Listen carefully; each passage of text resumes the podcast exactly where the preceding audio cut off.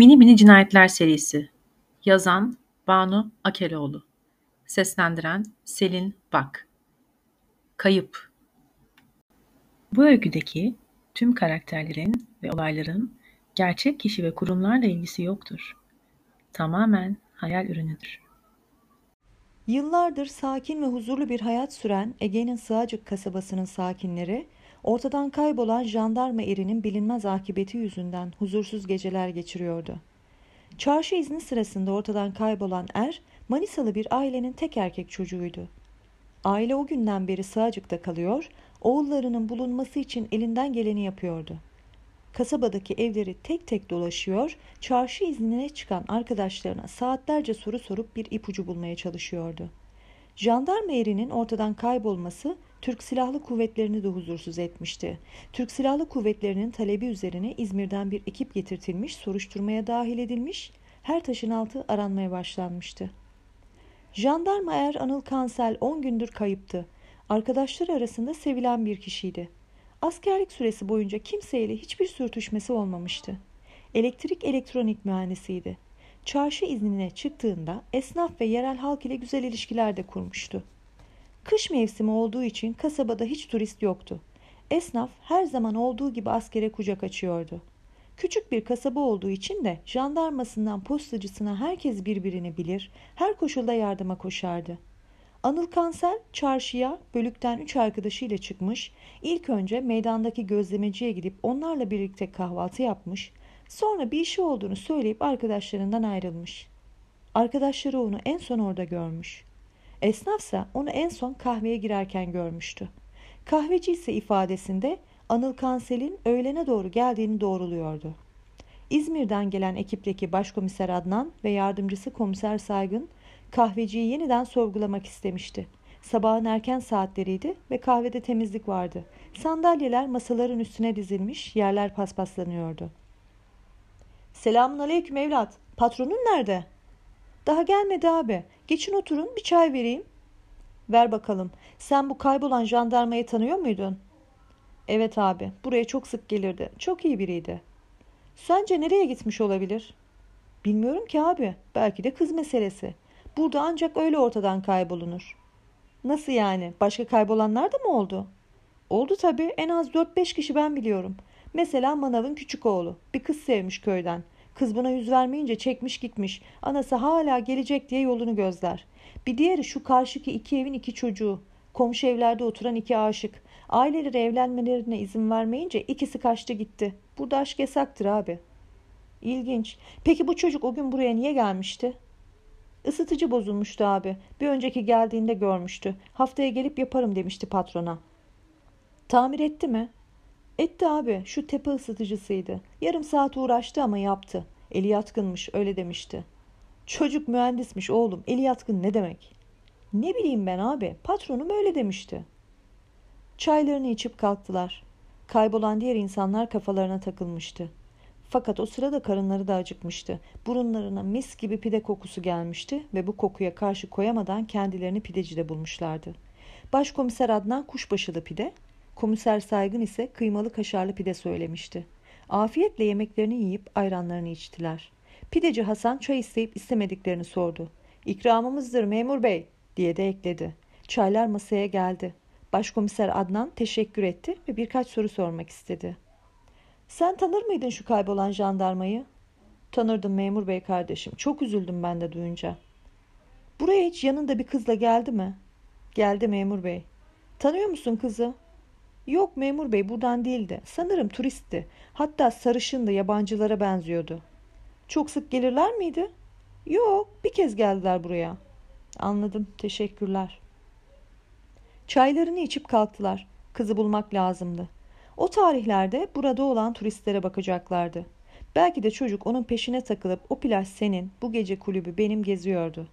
Başkomiser Adnan içinden olur mu olur dedi. Yalnız şu diğer kayıplar da kafasına takılmıştı. İlçe emniyetten kayıpların isimlerini çıkartmalarını söyledi. Tam beş kişi kayıptı. Kahvedeki çocuğun da dediği gibi hepsinin kayıp sebebi bir aşk hikayesine dayandırılmıştı. Peki buna nasıl emin olmuşlardı? o dönemki dosyaları tek tek çıkartıp incelemeye koyuldular. Fakat eski dosyaların incelenmesinden rahatsız olan ilçe emniyeti başkomiser ve yardımcısını Türk Silahlı Kuvvetleri'ne şikayet etti. TSK'dan gelen emir ise çok netti. Eski dosyaları karıştırıp vakit kaybetmeyi bırakın, jandarma yerini bulun.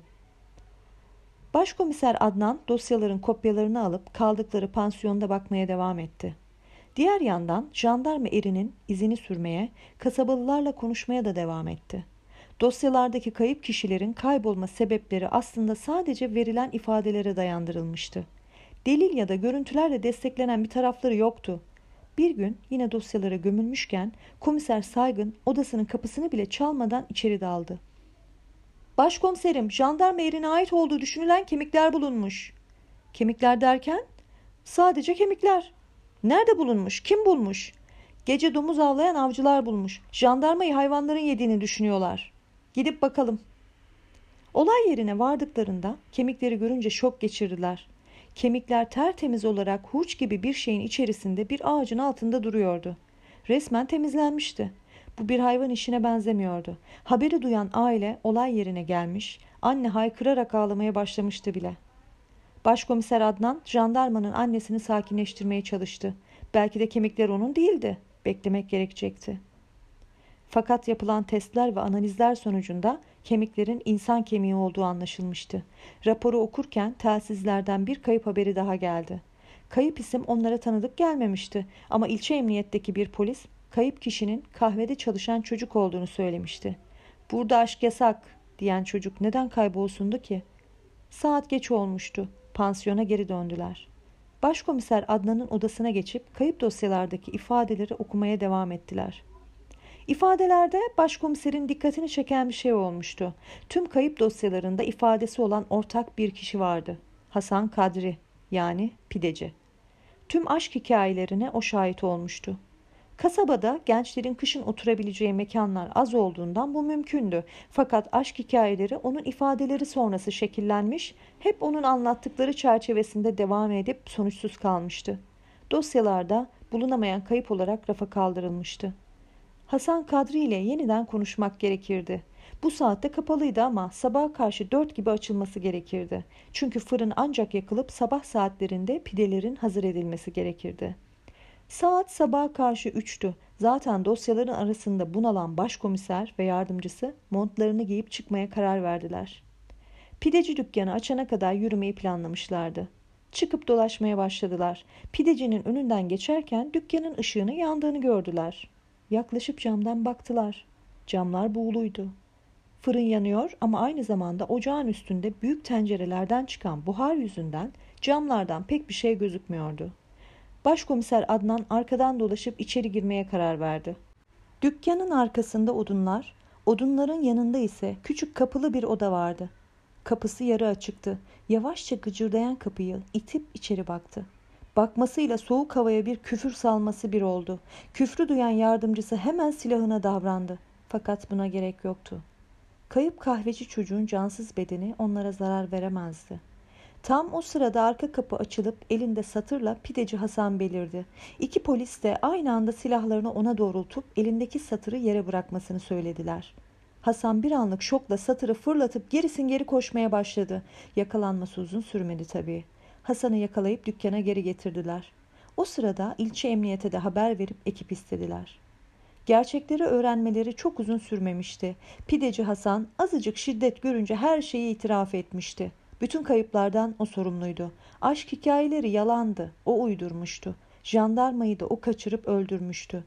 Neden diye sorulunca verdiği cevap tüyler ürperten cinstendi. Eti kemikten ayırmayı seviyorum. Bu benim için bir tutku. Kemikleri kaynatarak üstünde tek bir et parçası kalmayana kadar temizliyor, sonra da kemiklerden kurtuluyordu. Etleri ne yapıyordu peki?'' Yıllardır kasabalıya pidenin içinde sattığı etler aslında kasabalıların kayıp çocuklarıydı. Komiser Saygın bunu duyduğu anda olduğu yere kusu vermişti. Toparlanması zaman almıştı. Pideci müebbetle yargılanacaktı. Dosya kapanmıştı.